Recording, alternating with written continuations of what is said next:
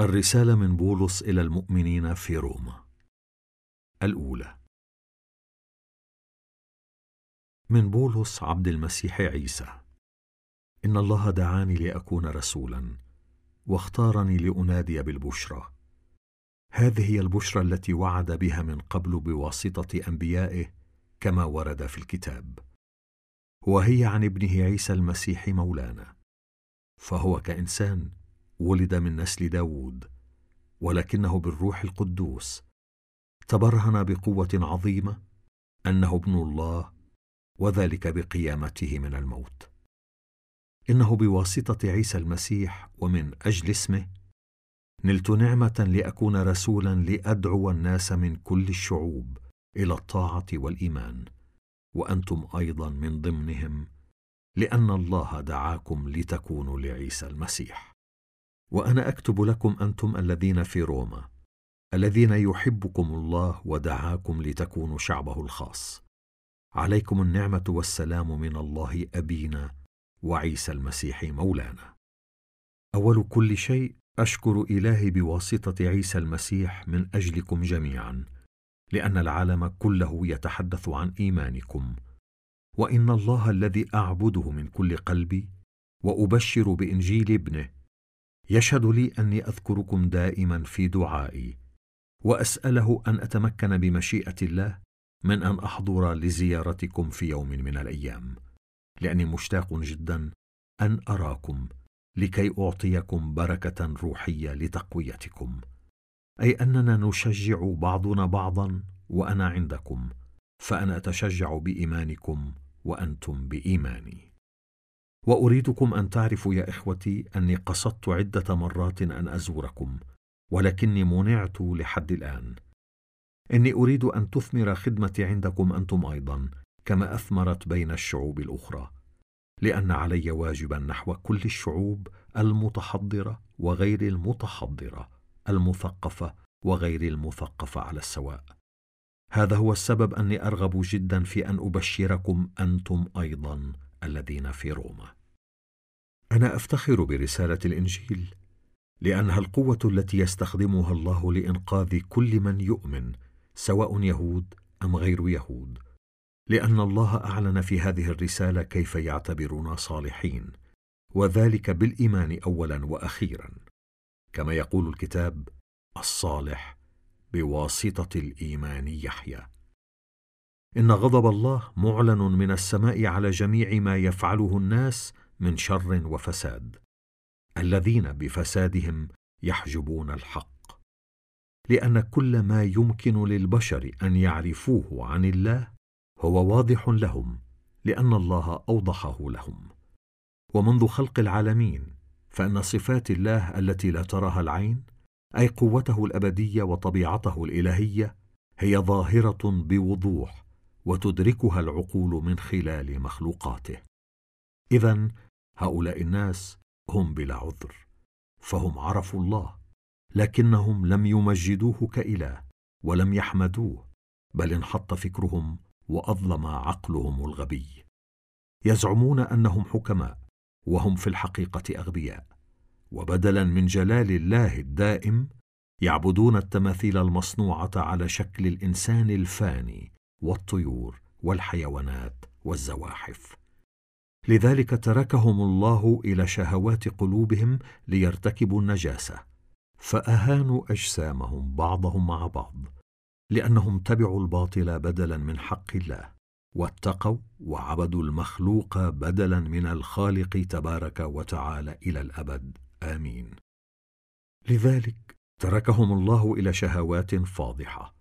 فإن نساءهم استبدلن العلاقة الجنسية الطبيعية بممارسات غير طبيعية. وكذلك الرجال. تركوا العلاقة الجنسية الطبيعية مع النساء واحترقوا بالشهوة بعضهم نحو بعض وارتكبوا الفحشاء رجالا مع رجال وبذلك جلبوا على أنفسهم العقاب العادل لفسقهم. ولأنهم رفضوا أن يعرفوا الله فإن الله تركهم إلى عقولهم الفاسدة ليعملوا ما لا يصح.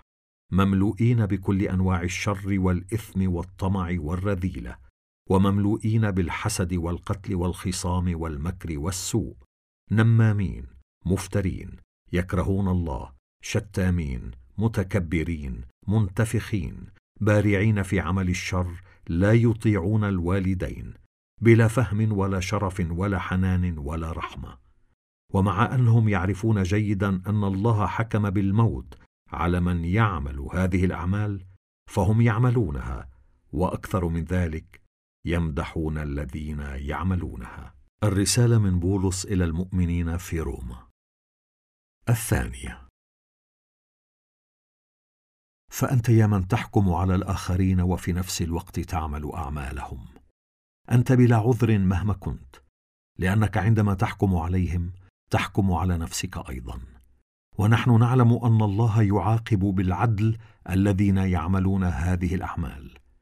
فهل تظن يا من تحكم على الآخرين وتعمل أعمالهم أنك تهرب من عقاب الله؟ أم أنك تستهين بلطفه العظيم وصبره واحتماله؟ ألا تعلم أن القصد من لطف الله هو أن يقودك إلى التوبة؟ لكنك عنيد وقلبك قاس فأنت تخزن لنفسك عقابا أفظع. يحل عليك يوم يعلن الله غضبه وعقابه العادل لأن الله سيجازي كل واحد حسب عمله. فمن ناحية الذين بالمثابرة في العمل الصالح يسعون إلى الجلال والكرامة والحياة الباقية يعطيهم حياة الخلود. ومن ناحية أخرى يصب غضبه وغيظه على الأنانيين والذين يرفضون الحق ويتبعون الباطل. فالويل والعذاب لكل من يعمل الشر لليهود ثم أيضا لغير اليهود. والجلال والكرامة والسلام لكل من يعمل الخير لليهود ثم أيضا لغير اليهود لأن الله لا يتحيز لأحد. فالذين ليس عندهم شريعة موسى ويخطئون يهلكون حتى بدونها. والذين عندهم شريعة موسى ويخطئون يحكم عليهم بموجبها. فليس من يستمع إلى تلاوة الشريعة هو الذي يعتبر صالحا عند الله بل من يطيع الشريعة كلها. فغير اليهود ليس عندهم شريعة موسى لكن متى عملوا بالفطرة ما تأمر به الشريعة؟ فهؤلاء الذين ليس عندهم الشريعة يكونون شريعة لأنفسهم. وهذا يبين أن ما تأمر به الشريعة موجود في قلوبهم. فإن ضمائرهم تحدثهم بذلك وأفكارهم الداخلية تخبرهم متى عملوا الخطأ ومتى عملوا الصواب. وكل هذا يؤخذ في الاعتبار يوم يحاكم الله أسرار الناس بواسطة المسيح عيسى. فالإنجيل الذي أنادي به يقرر هذا. والآن أنت تسمي نفسك يهوديا وتتكل على الشريعة وتفتخر بالله. أنت تعرف الشريعة ولذلك تفهم مشيئة الله وتعرف الفرق بين الحق والباطل. وأنت تعتقد أنك قائد للعميان ونور لمن هم في الظلام ومهذب للأغبياء ومعلم للجهلاء وأنك بلغت ذروة المعرفة والحق لأن عندك الشريعة. مهلا. أنت يا من تعلم الآخرين لماذا لا تعلم نفسك؟ أنت تنادي وتقول لا تسرقوا فهل يصح أنك تسرق؟ أنت تقول لا تزنوا فهل يصح أنك تزني؟ أنت تكره الأصنام. فهل يصح أنك تنهب بيت الله؟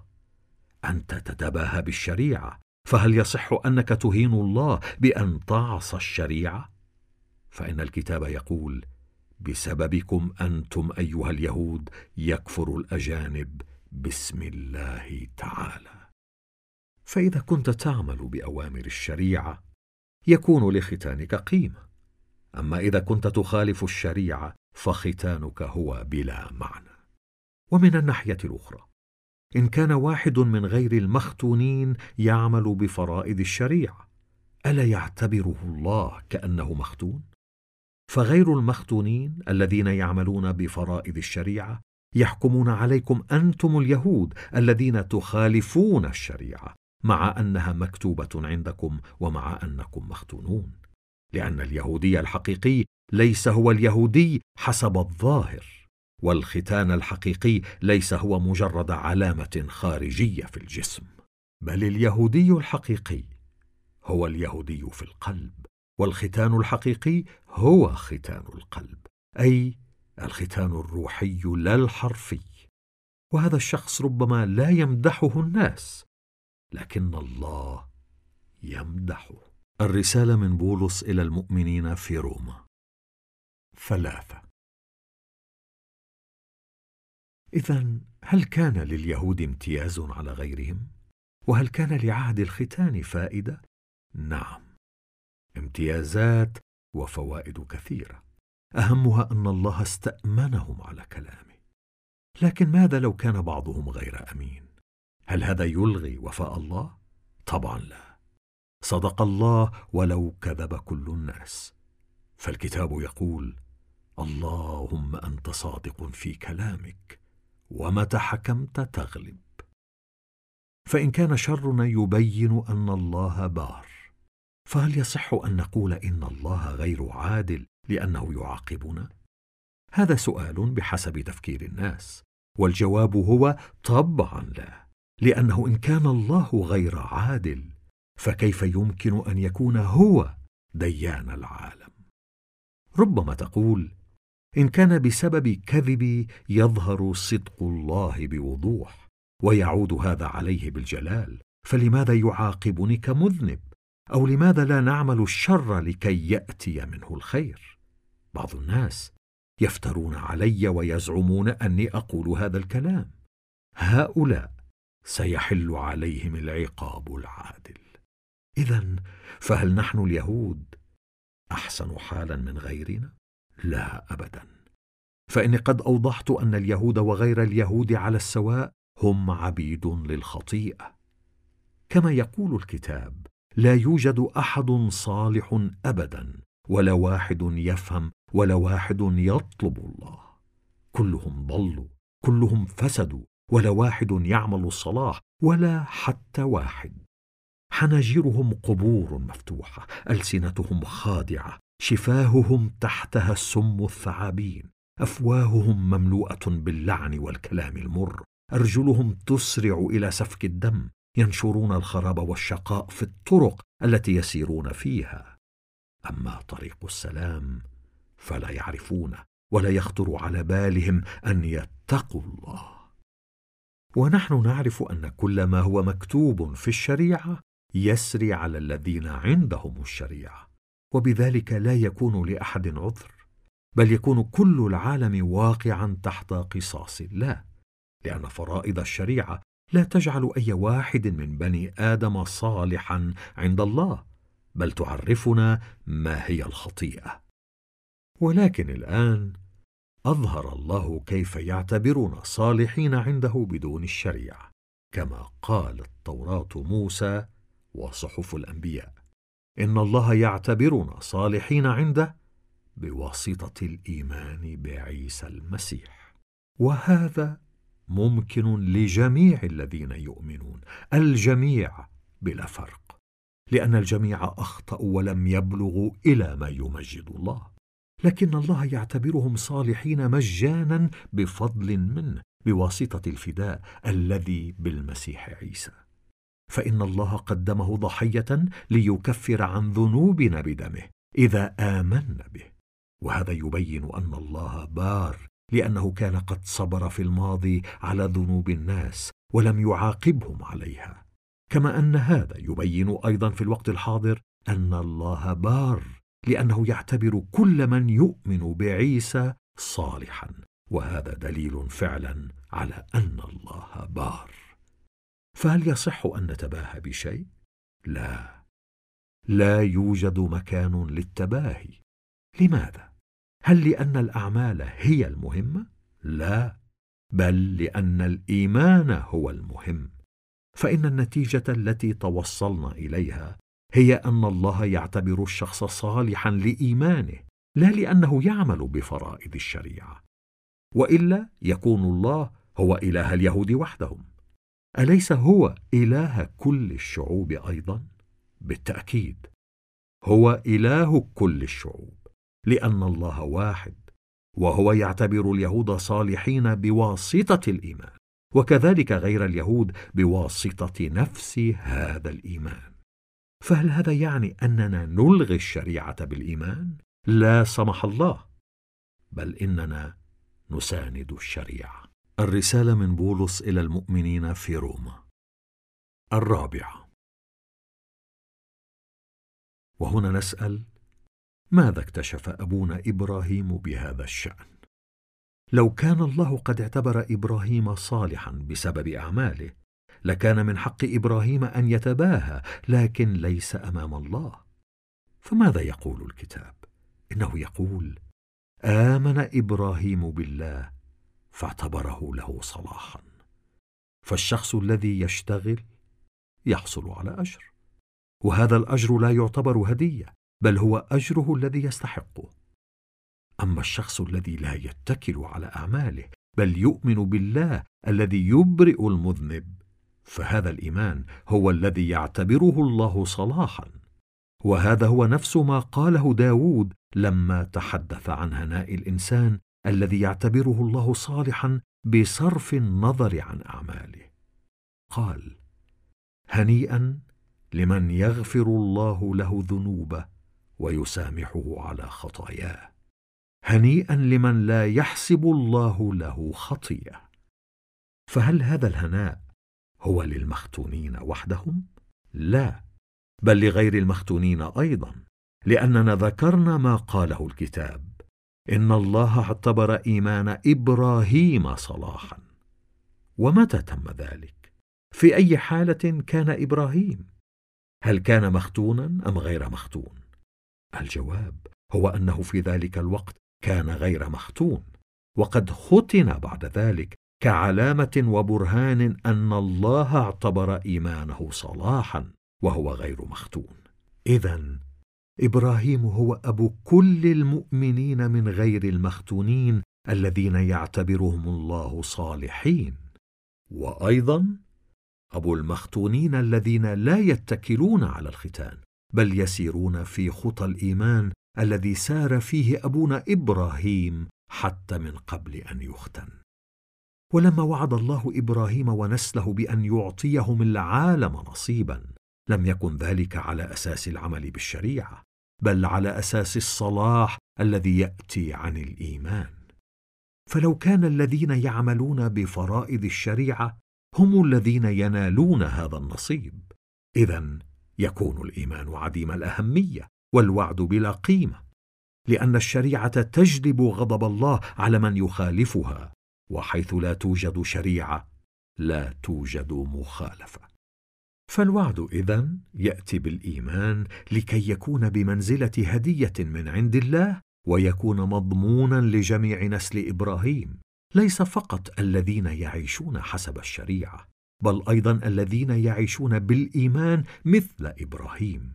فإنه هو أبونا كلنا كما يقول الكتاب إني جعلتك أبا لشعوب كثيرة. فهو أبونا في نظر الله الذي آمن به والذي يحيي الموتى والذي بأمره يجعل ما هو غير موجود يأتي إلى الوجود. فمع أنه لم يكن هناك أمل إلا أن إبراهيم كان عنده أمل وآمن.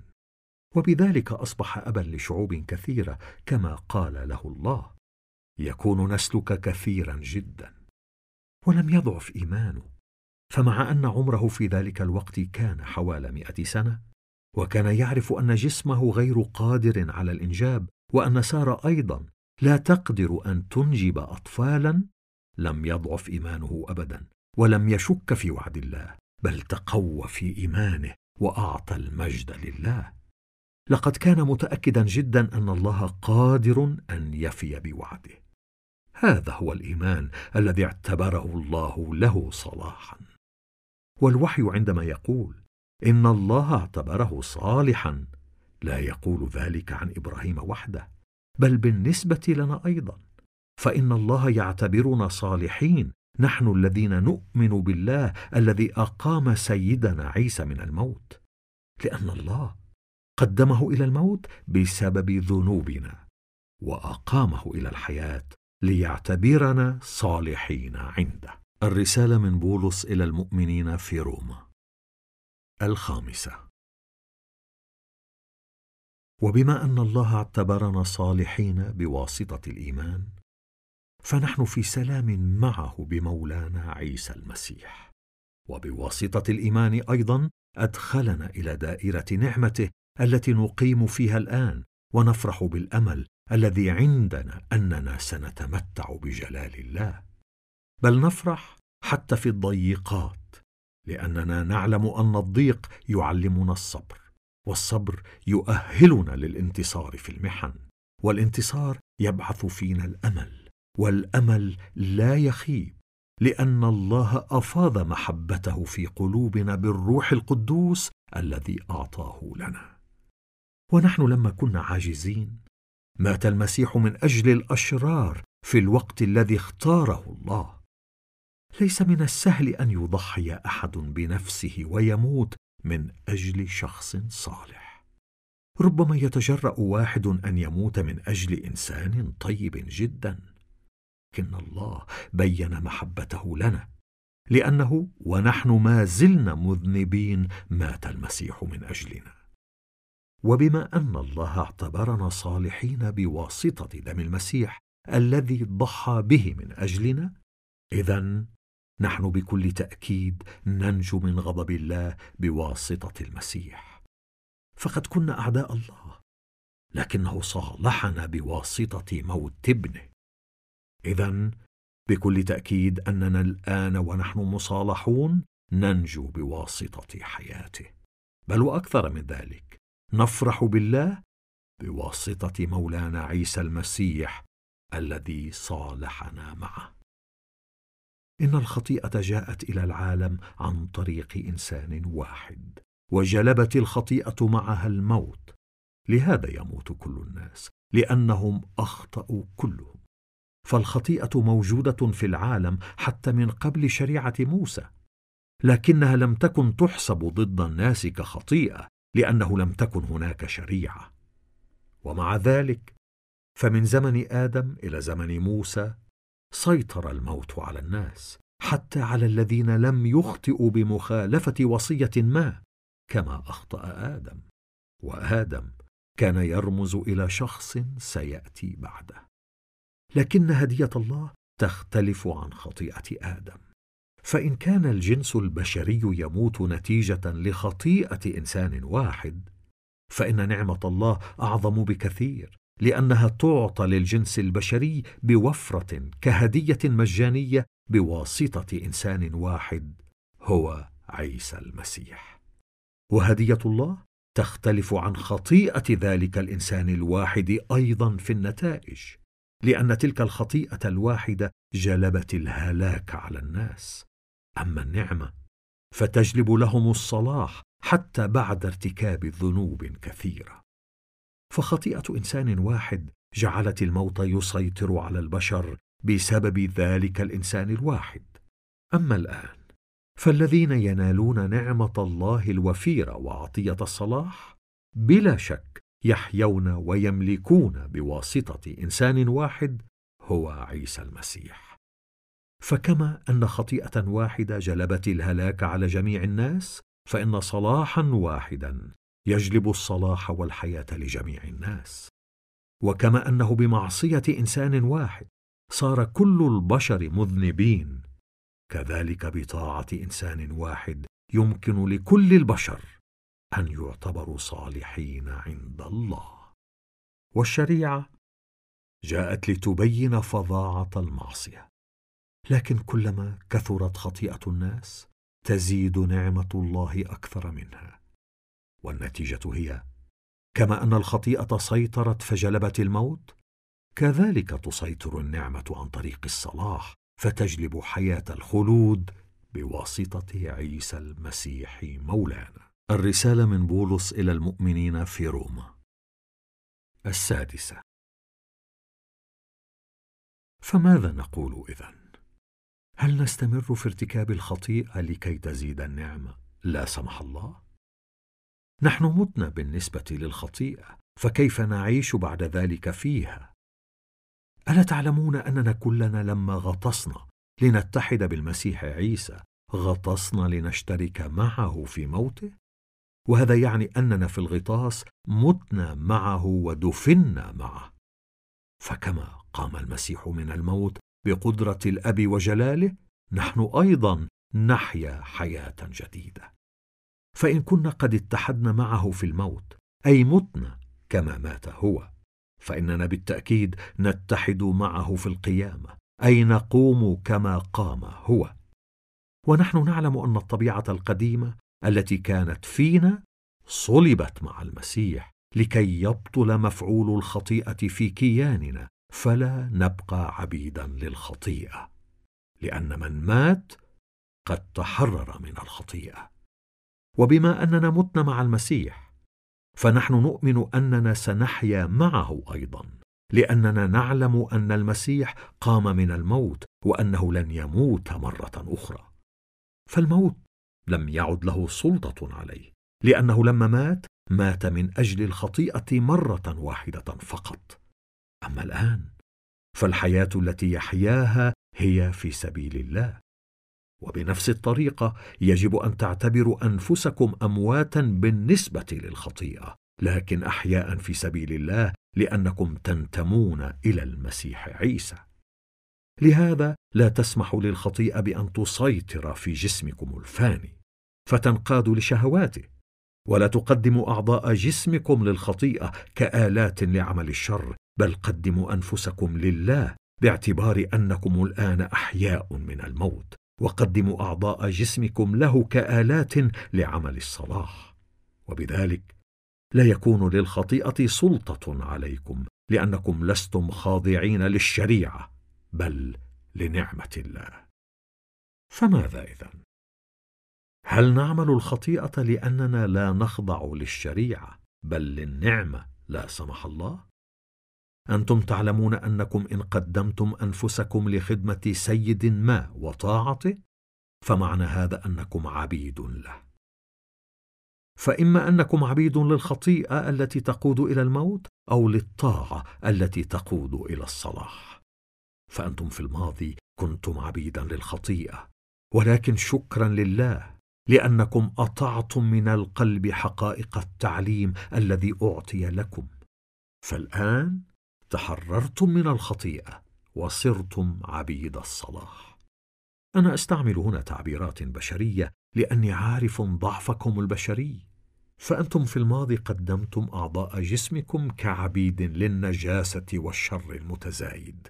فالآن يجب أن تقدموها كعبيد للطهارة والصلاح.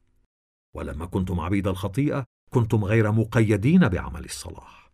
فماذا ربحتم من ذلك غير أمور تخجلون منها الآن لأنها تقود إلى الموت.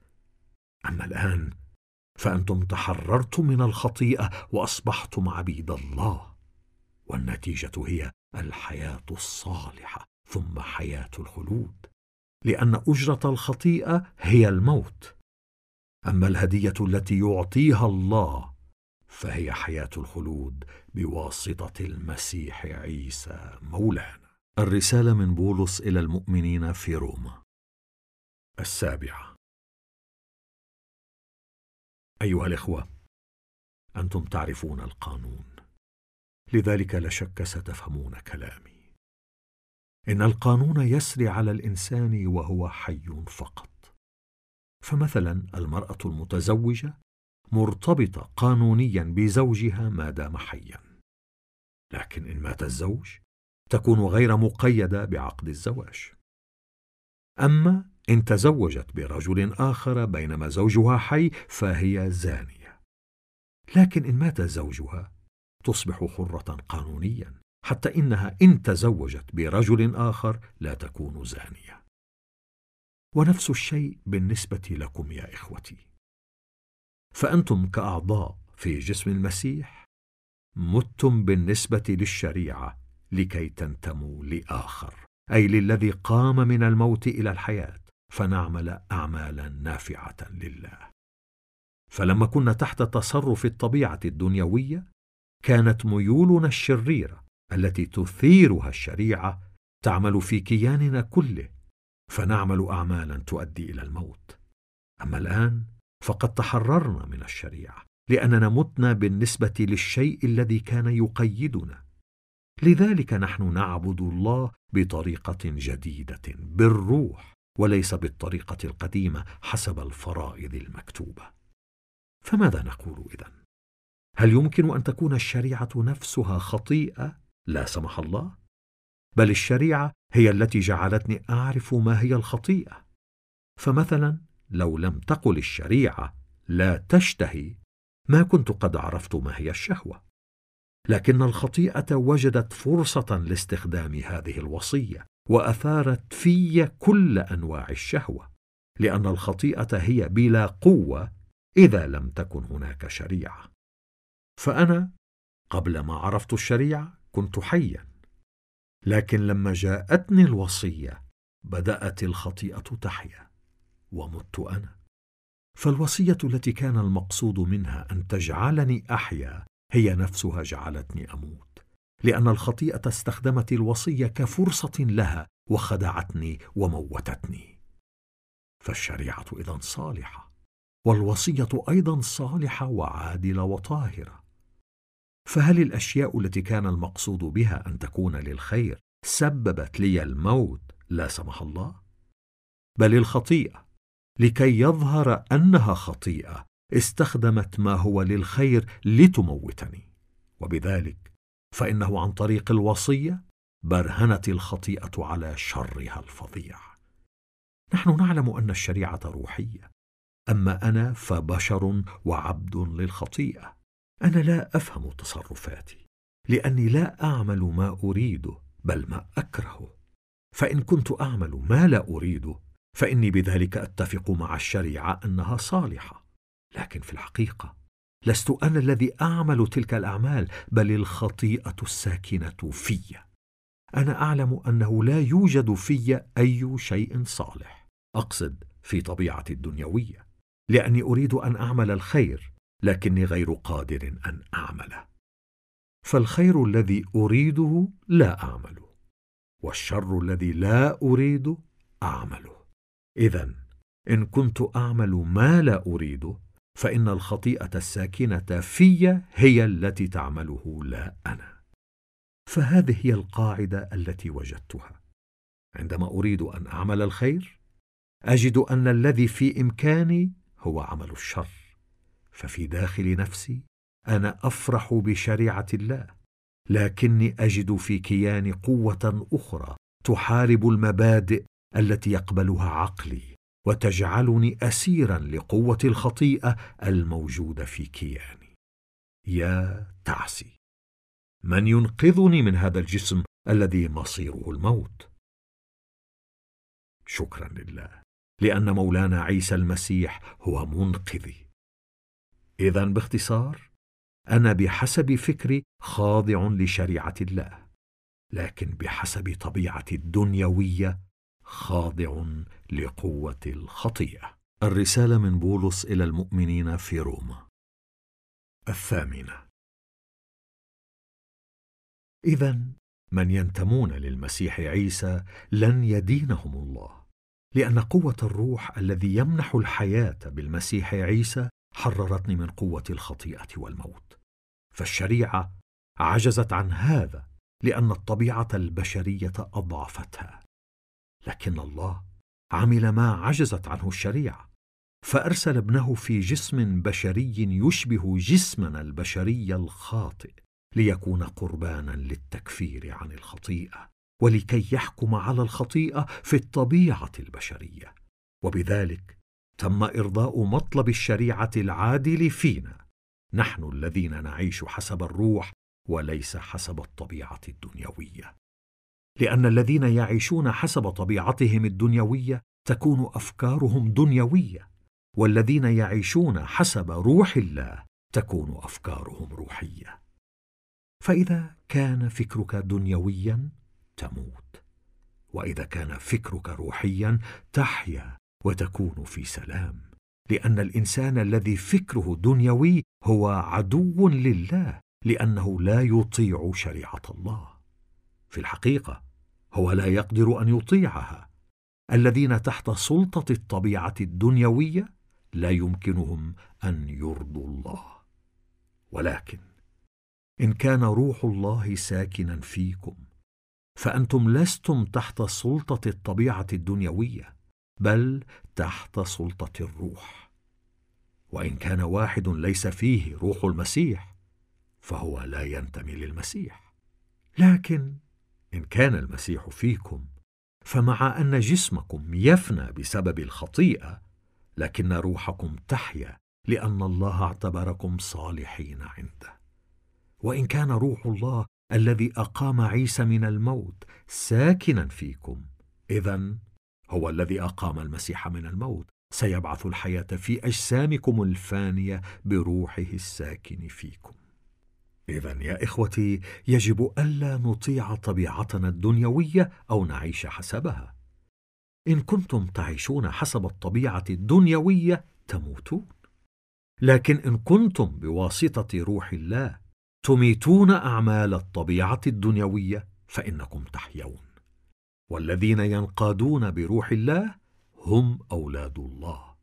لأن الروح الذي حصلتم عليه ليس هو الروح الذي يجعلكم عبيدا مرة أخرى ويسبب لكم الخوف بل هو الروح الذي يجعلكم أبناء الله. هو الروح الذي ندعو به الله فنقول يا بابا يا أبي. الروح نفسه يشهد مع أرواحنا أننا أبناء الله. وبما أننا أبناء الله فلنا نصيب في بركات الله. أي نشترك مع المسيح في نصيبه. ولكننا يجب أن نتألم مع المسيح هنا لكي نتمتع بجلاله هناك.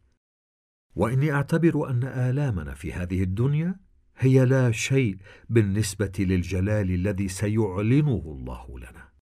فإن الخليقة كلها تنتظر بفارغ الصبر أن يعلن الله أبناءه لأن الخليقة أصيبت بالفشل ليس بإرادتها بل بإرادة الله. ومع ذلك هناك أمل أنها هي أيضا تتحرر من مصير الفناء لتحصل على الحرية والجلال مع أبناء الله. فنحن نعلم أن الخليقة كلها تئن لحد الآن كما من آلام الولادة. وليس الخليقة وحدها هي التي تئن بل نحن أيضا الذين حصلنا على الروح كأول بركة من الله. نئن في أنفسنا منتظرين منه أن يعلن أننا أبناؤه وذلك بفداء أجسامنا. نحن نجونا وعندنا هذا الأمل.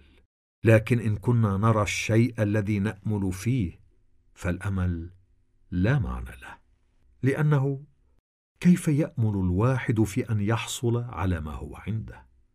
لكننا نأمل في شيء لا نراه وننتظره بصبر. والروح أيضا يساعدنا في ضعفنا.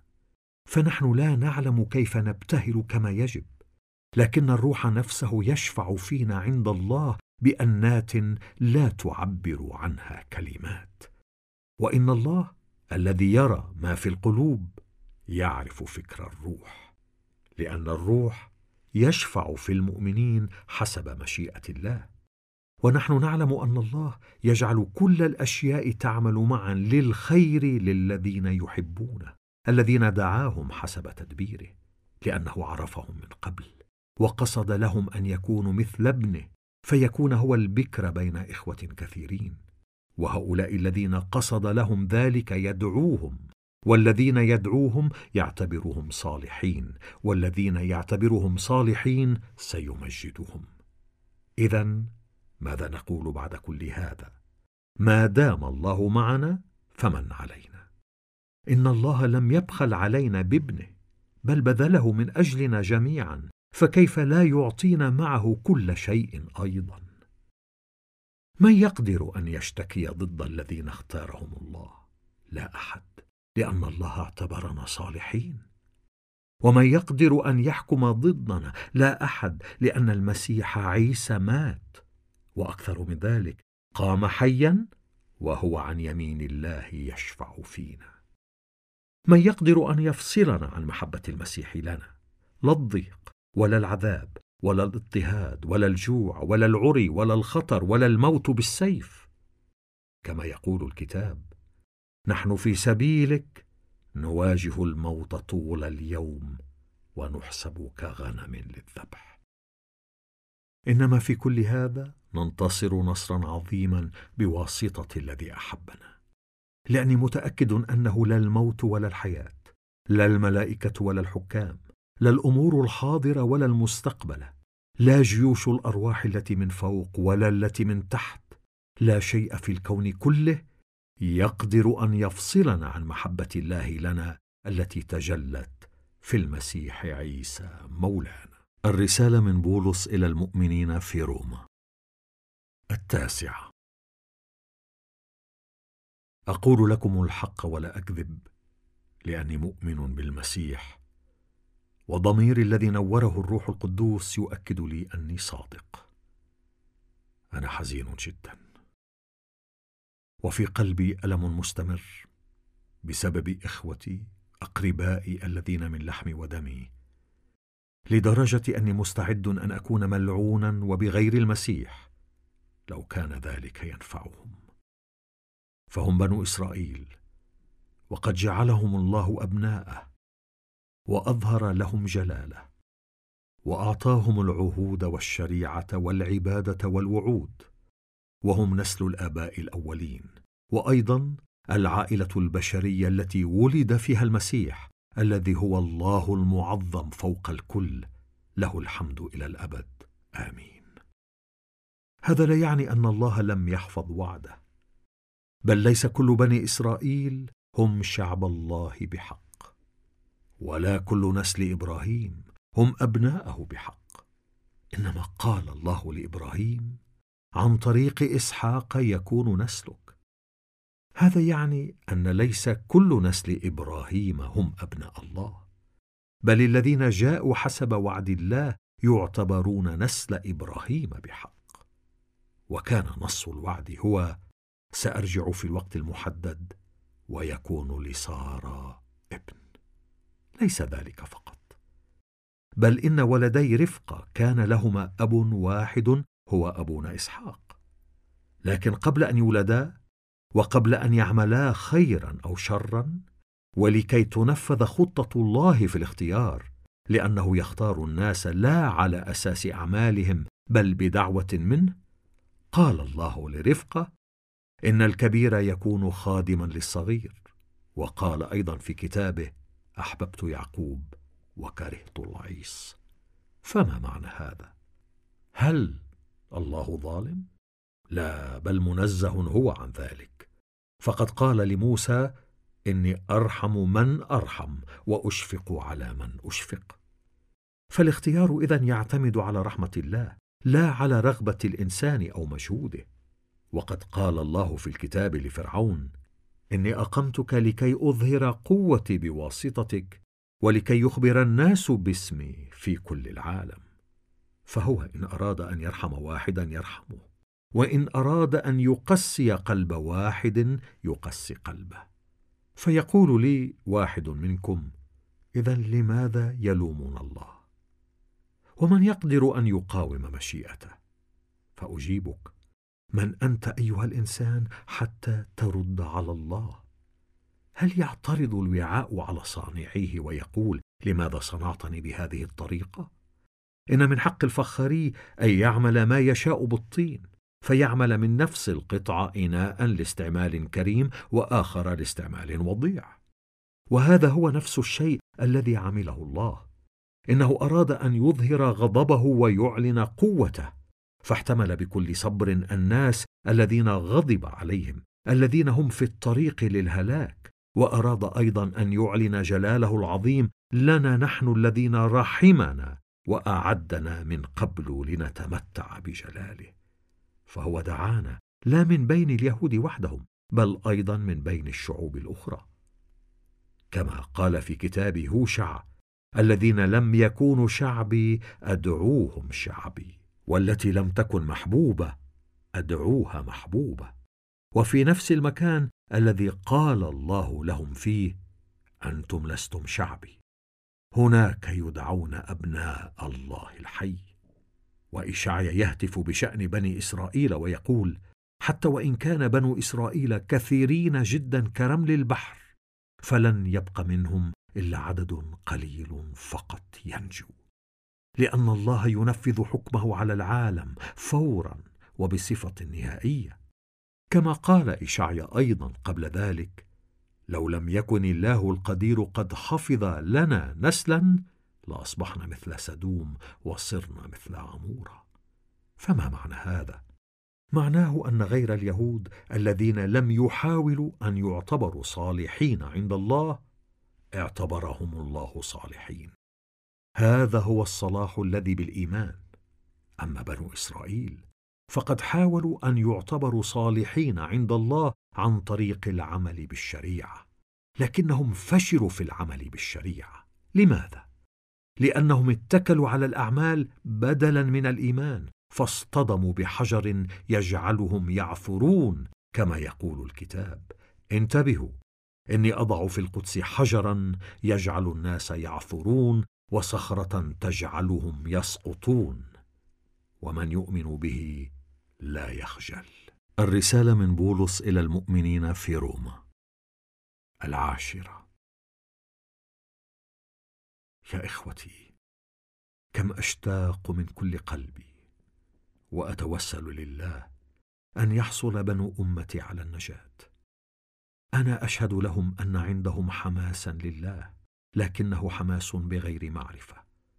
فهم لم يعرفوا طريقة الله التي بها يعتبر الإنسان صالحا عنده. فحاولوا أن تكون لهم طريقتهم الخاصة لذلك لم يخضعوا لطريقة الله.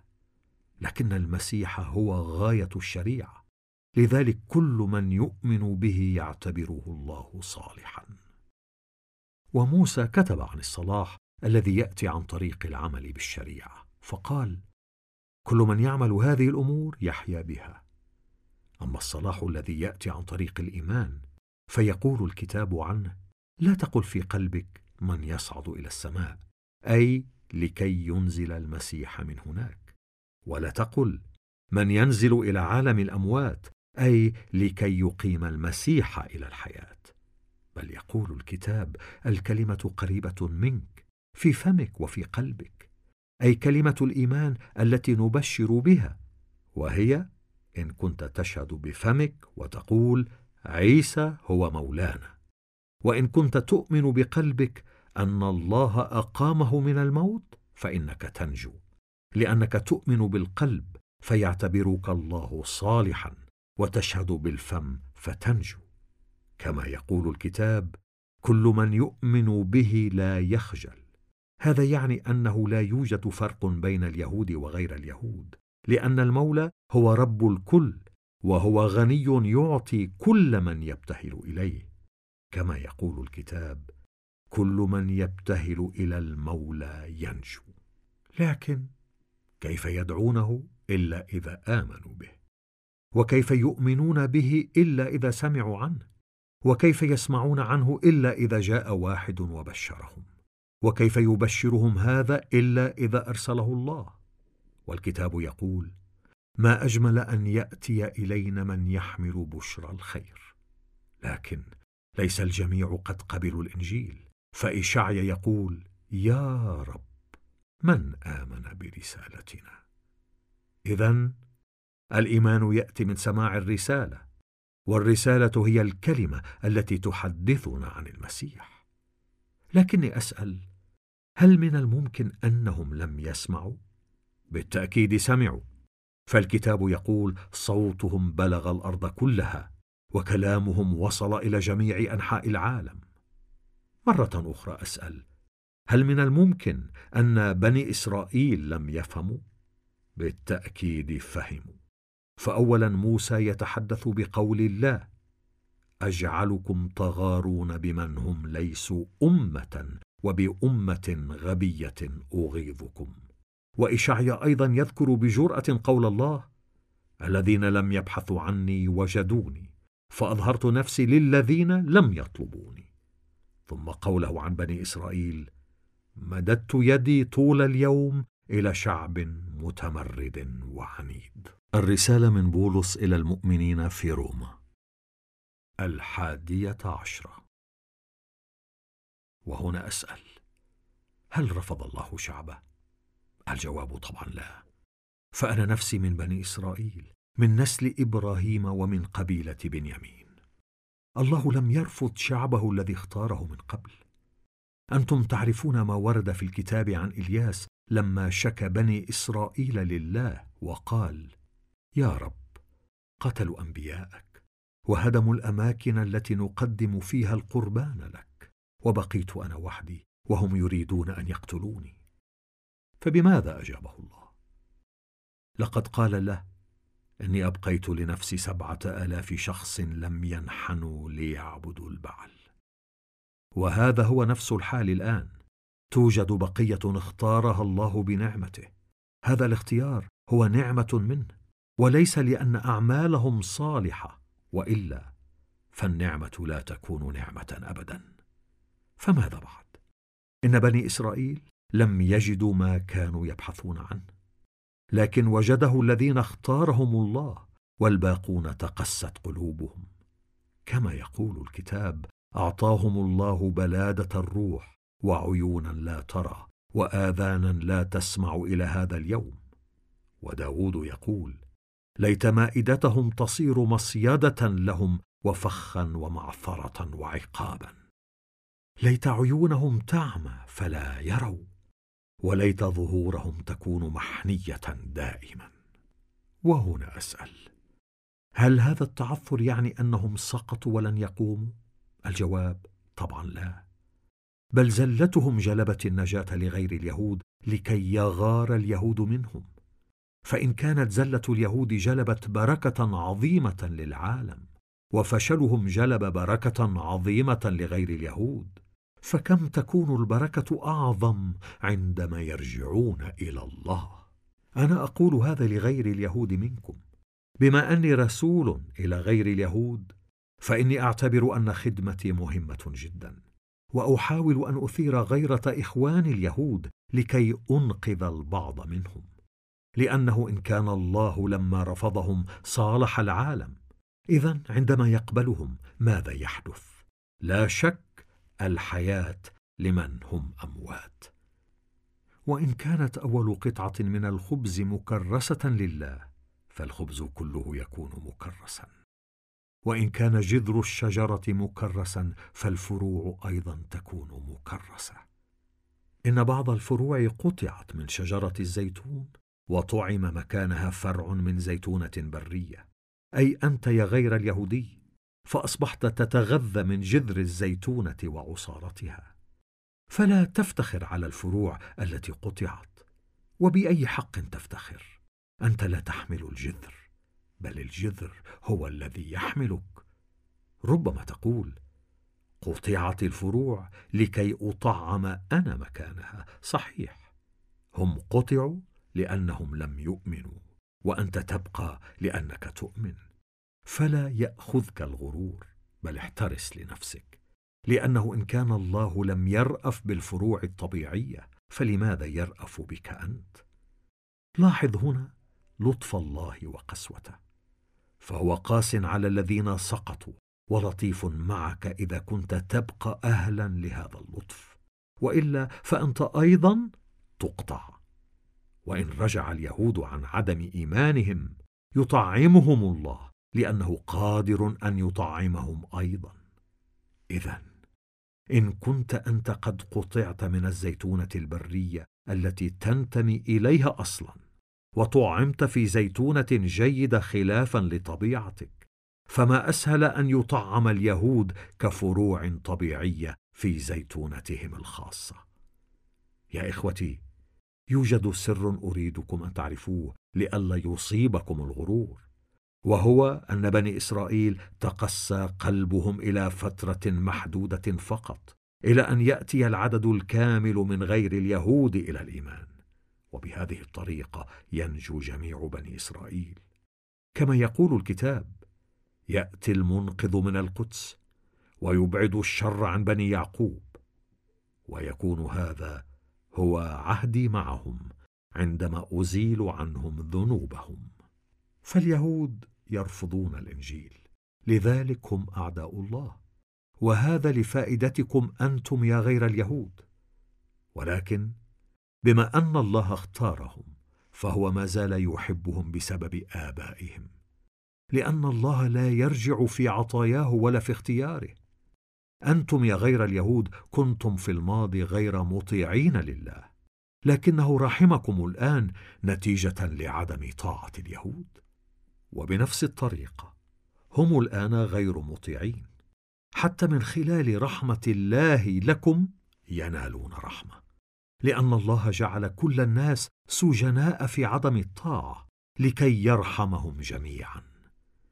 يا لعظمة غنى الله وحكمته وعلمه. من يفهم مقاصده؟ ومن يعرف طرقه؟ من عرف فكر الله؟ ومن كان مشيرا له؟ من أعطى الله لكي يرد له الدين؟ لأن كل الأشياء هو خالقها وهي كائنة بواسطته ومن أجله. فله الجلال إلى الأبد. آمين. الرسالة من بولس إلى المؤمنين في روما. الثانية عشرة.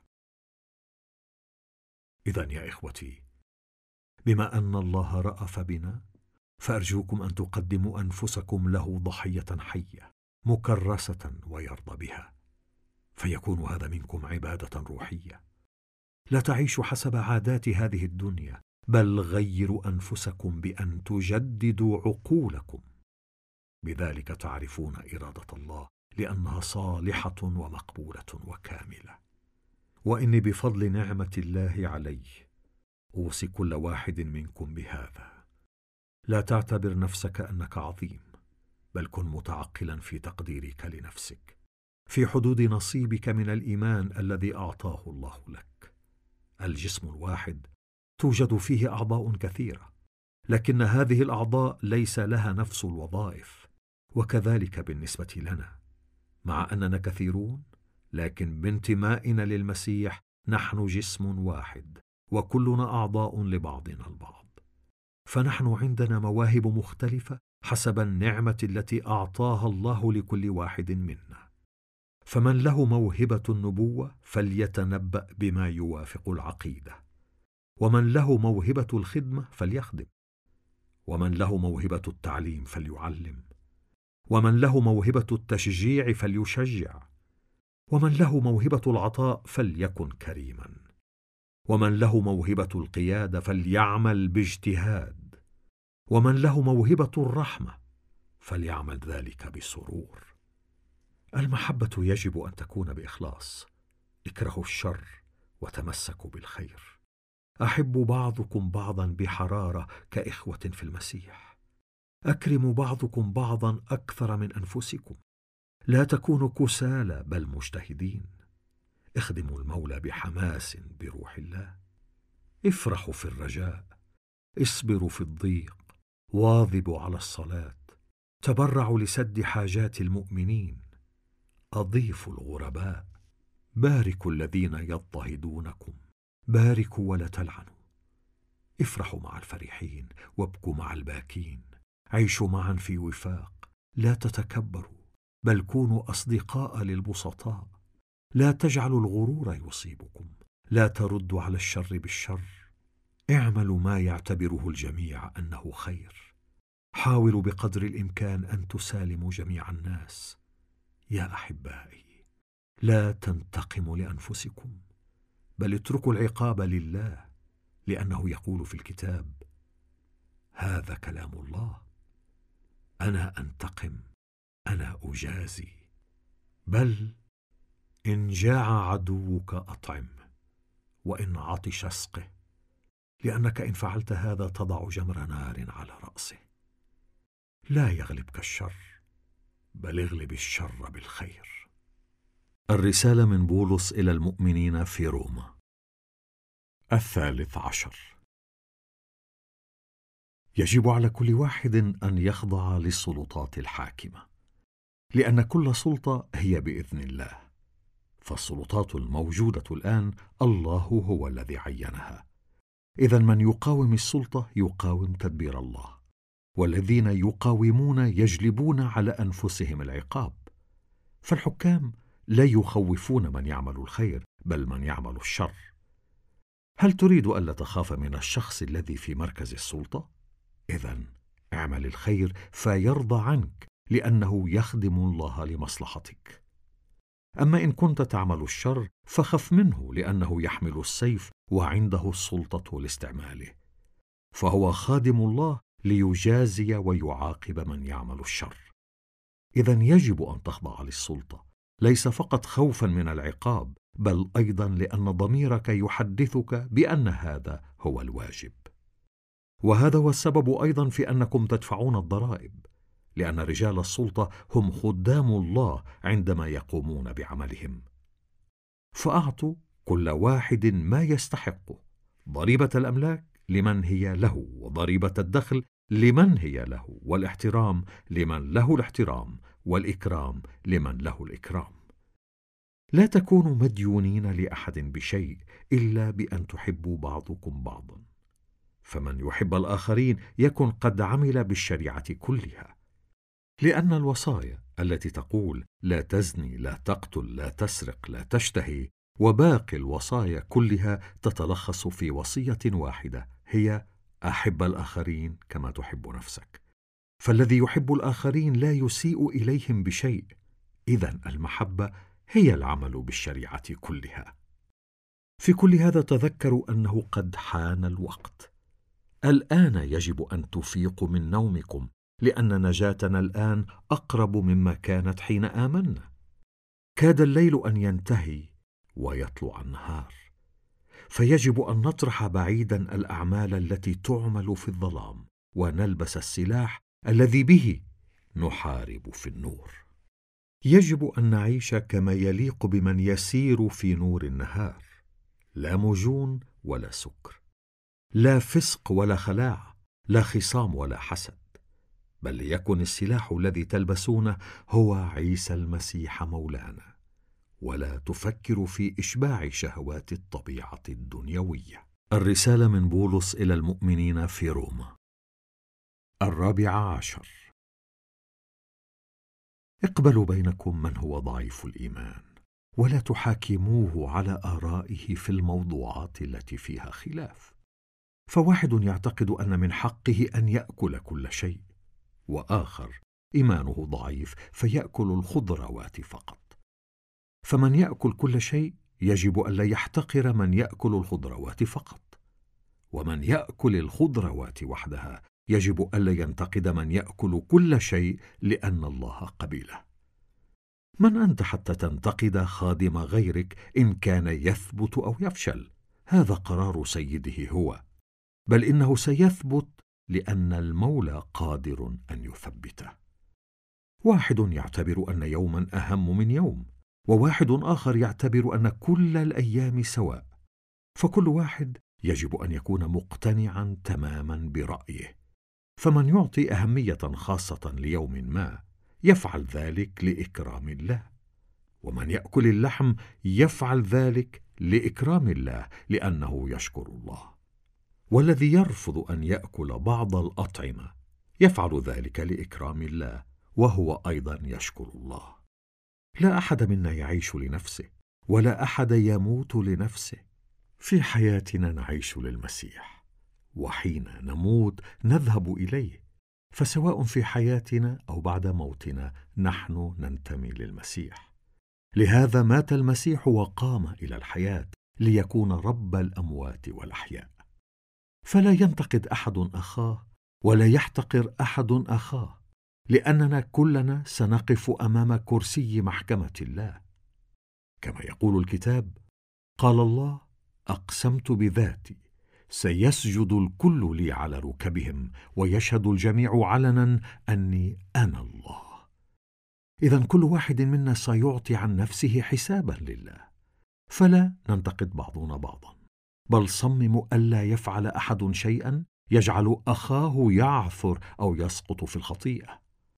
وبما أني أنتمي لسيدنا عيسى فأنا مقتنع تماما أنه لا يوجد طعام نجس في حد ذاته بل يكون نجسا لمن يعتبره نجسا. إن كان أخوك يتضايق بسبب طعامك فأنت لا تتصرف بمحبة. لا تجعل طعامك يتسبب في أن يهلك أخوك الذي مات المسيح من أجله.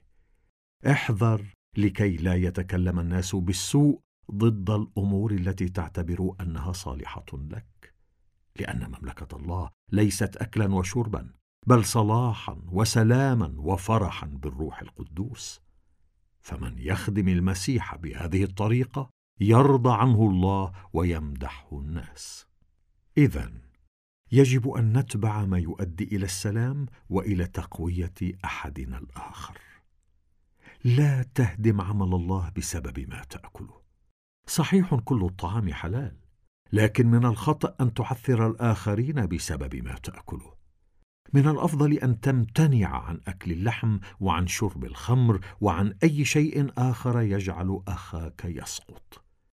احتفظ باعتقادك في هذا الموضوع بينك وبين الله. هنيئا لمن لا يلوم نفسه عندما يعمل ما هو حلال بحسب اعتقاده. أما من يأكل وعنده شك فيحكم عليه لأنه يتصرف عن غير إيمان. وكل ما يصدر عن غير إيمان هو خطيئة. الرسالة من بولس إلى المؤمنين في روما. الخامس عشر. فنحن الأقوياء. يجب أن نحتمل ضعف الضعفاء ولا نرضي أنفسنا.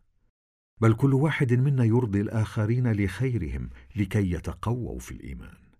لأن المسيح لم يرضي نفسه بل كما يقول الكتاب شتائم الذين شتموك جاءت علي أنا. وكل ما جاء في الكتاب منذ القديم هو لتعليمنا لكي نثبت ونتقوى بكلمة الله ويكون عندنا أمل. أسأل الله الذي يعطي الثبات والقوة أن يجعلكم متحدين معا في الرأي وأنتم تتبعون المسيح عيسى لكي تسبحوا الله أبا سيدنا عيسى المسيح برأي واحد وصوت واحد. اقبلوا بعضكم بعضا كما قبلكم المسيح لكي يتمجد الله. فإني أقول لكم إن المسيح صار خادما لليهود لكي يبين أن الله صادق. لأنه تمم وعوده للآباء وأيضا لكي يسبح غير اليهود الله على رحمته كما يقول الكتاب. لذلك أحمدك بين الشعوب وأغني بالتسابيح لاسمك. ويقول أيضا افرحوا أيها الأمم مع شعبه وأيضا سبحوا الله يا كل الأمم احمدوه يا كل الشعوب.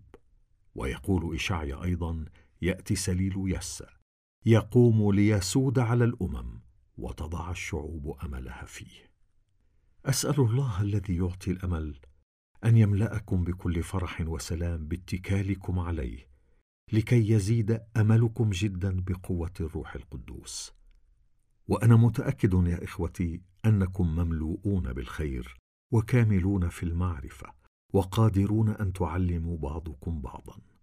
لكني أردت أن أذكركم ببعض الأمور فكتبت لكم عنها بجرأة فإن الله أنعم علي بأن أكون خادم المسيح عيسى إلى الشعوب. أقوم لهم بعمل الحبر فأبلغهم بشرى الله لكي يصيروا قربانا مقبولا عنده ومخصصا له بالروح القدوس. فأنا أفتخر بأني أخدم الله بواسطة المسيح عيسى. والأشياء التي أجرؤ أن أتكلم عنها هنا هي فقط التي عملها المسيح بواسطتي لهداية الشعوب إلى طاعة الله. فهو قد استخدمني بالقول والفعل وبقوة آيات ومعجزات بقوة الروح.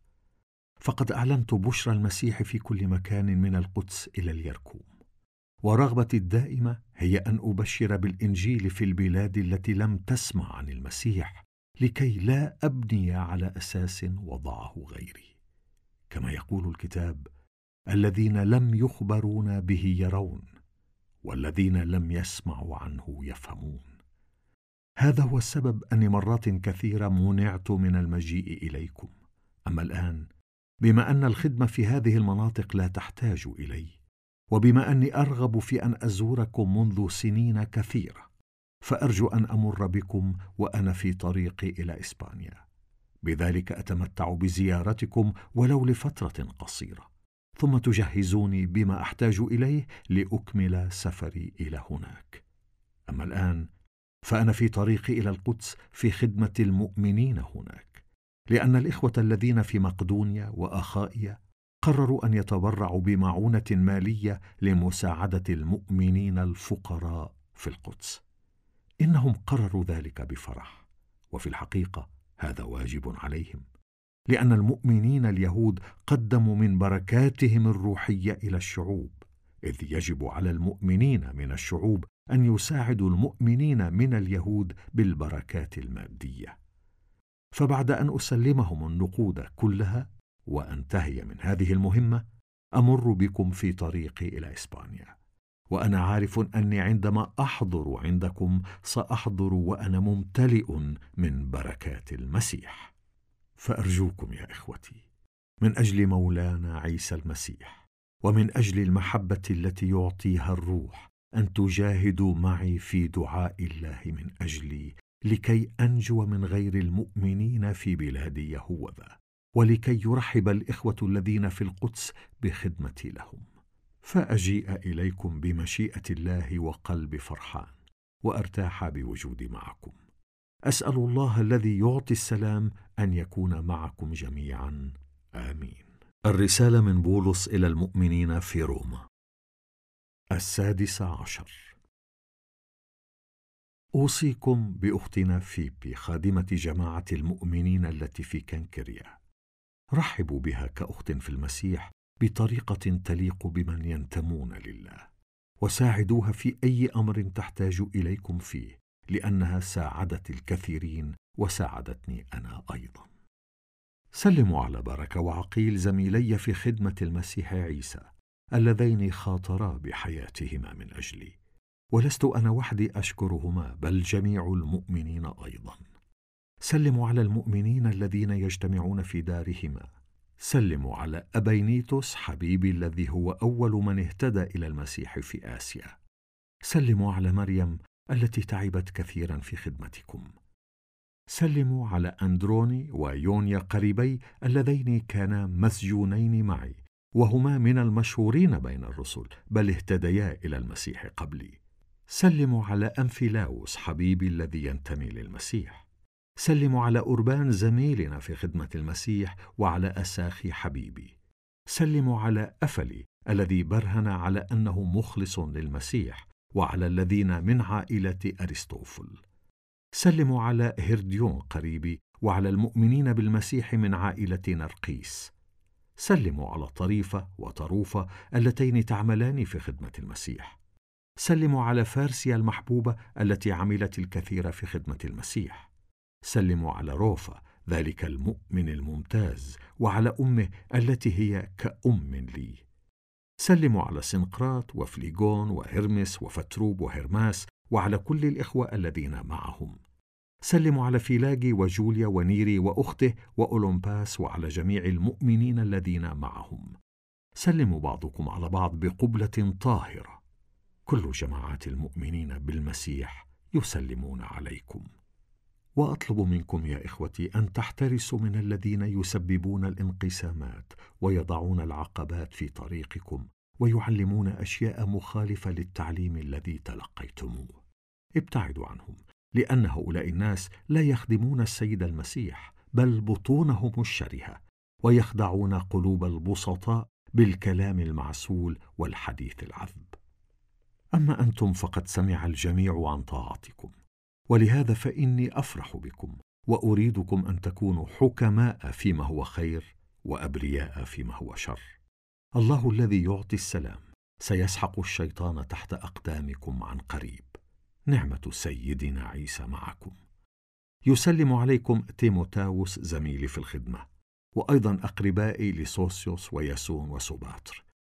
وأنا تارتيوس كاتب هذه الرسالة أسلم عليكم كمؤمن بالمسيح.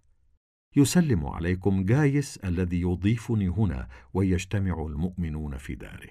يسلم عليكم ارسطس أمين خزانة المدينة وكورتوس الأخ. نعمة عيسى المسيح مولانا معكم جميعا. آمين.